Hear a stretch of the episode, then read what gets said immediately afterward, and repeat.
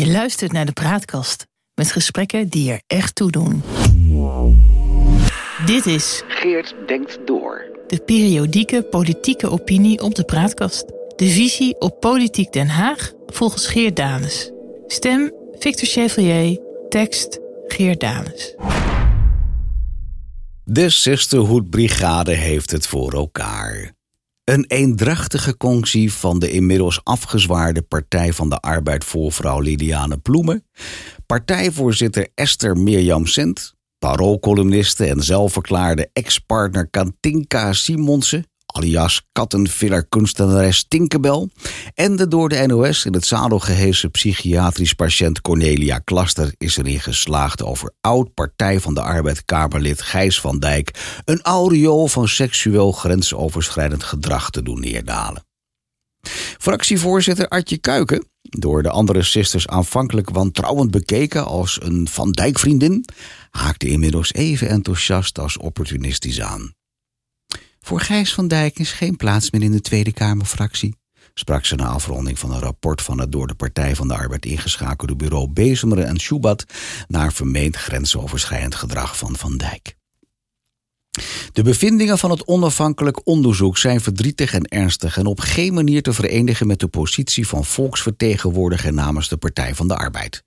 Dat verklaarde partijvoorzitter Sent in een persbericht, waarin gesteld werd dat de Van Dijk aangewreven grensoverschrijdende gedragingen zich niet louter in de privésfeer afspeelden. Over die privésfeer liet Van Dijk zelf wel weten dat hij zich daarin niet altijd eerlijk had gedragen.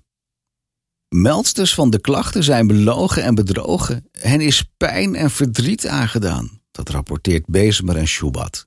Dat er kennelijk geen been in zag zich te begeven in het privédomein van een oud Kamerlid. En het toeliet dat vrouwen die teleurgesteld waren over Van Dijks relationele gedrag. daarover konden klagen in een onderzoek op kosten van de Partij van de Arbeid. dat had moeten gaan over de vraag of Van Dijk in de werkomgeving grenzen had overschreden. En over dat laatste komt Bezemer en Schubat, blijkt uit een samenvatting van het rapport die op de Partij van de Arbeid website is gezet, niet verder dan de conclusie dat de door meldsters gestelde feiten in hoofdzaak aannemelijk zijn. In hoofdzaak aannemelijk is een bewijskwalificatie die in geen enkele rechtszaak overeind blijft.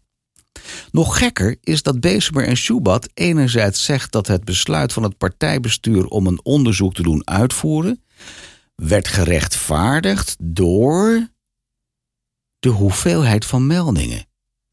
En anderzijds laat weten dat met slechts drie, ik herhaal drie, meldsters gesproken te hebben.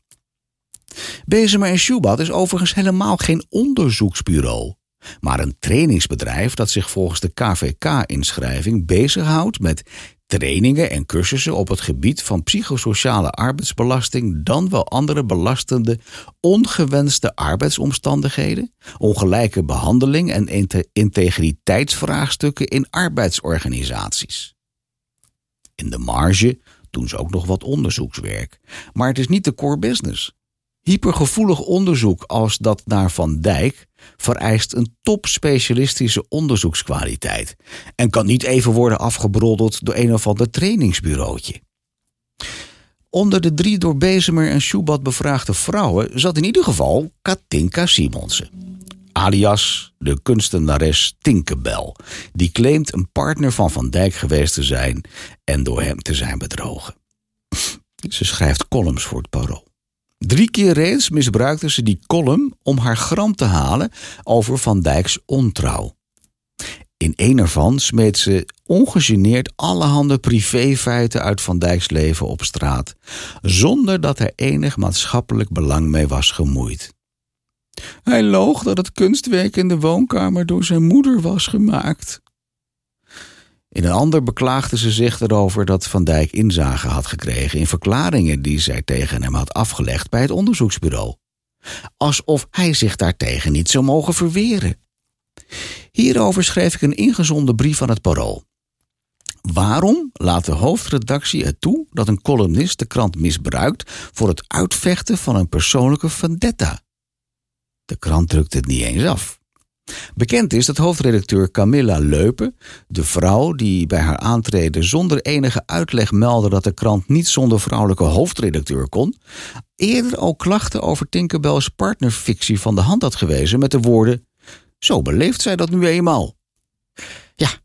Kennelijk is ook zij bevreesd voor het speciale plekje dat volgens wijde de oud-Amerikaanse minister van Buitenlandse Zaken Madeleine Albright in de hel zou zijn gereserveerd voor vrouwen die vrouwen niet helpen. Je kunt ook een slaappil nemen als je daar wakker van ligt. Op één punt is het rapport van Bezemer en Schubat glashelder. Zonder haar naam te noemen concluderen de onderzoekers dat Cornelia Klaster, de door het NOS-journaal opgevoerde bron voor de aantijgingen aan het adres van Van Dijk, in een eerder rapport terecht is neergezet als fantast. Hetgeen wederom de vraag oproept: waar blijft de rectificatie van de NOS? Ik heb er weinig twijfel over dat Van Dijk erin geluisterd is door een ongezonde conctie van sisters die meedijnen op de wereldwijde MeToo-golven. En Van Dijk doet er verstandig aan de casus van Johnny Depp en, Amber Hart is uh, goed te bestuderen. Want ook Depp dreigde ten onder te gaan in de MeToo-tsunami. Maar hij hield zijn poot stijf en ging naar de rechter. 15 miljoen dollar mag de fabulerende sister Hart aftikken. Met het rapport van Bezemer en Schubat in de hand in hoofdzaak aannemelijk, hè, waar ik het net over had, moet het voor een advocaat niet moeilijk zijn de vloer aan te vegen met de meldsters die nu tijdelijk hun zin hebben gekregen. Ik wens Gijs van Dijk succes en de moed deze klus te klaren.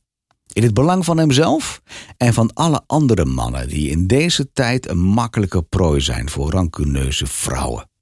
Ik heb een enorme hekel aan mannen die niet van vrouwen kunnen afblijven, maar ook aan valse sisterhood verhaaltjes was getekend Geert Dales, 2 juni 2022. De praatkast.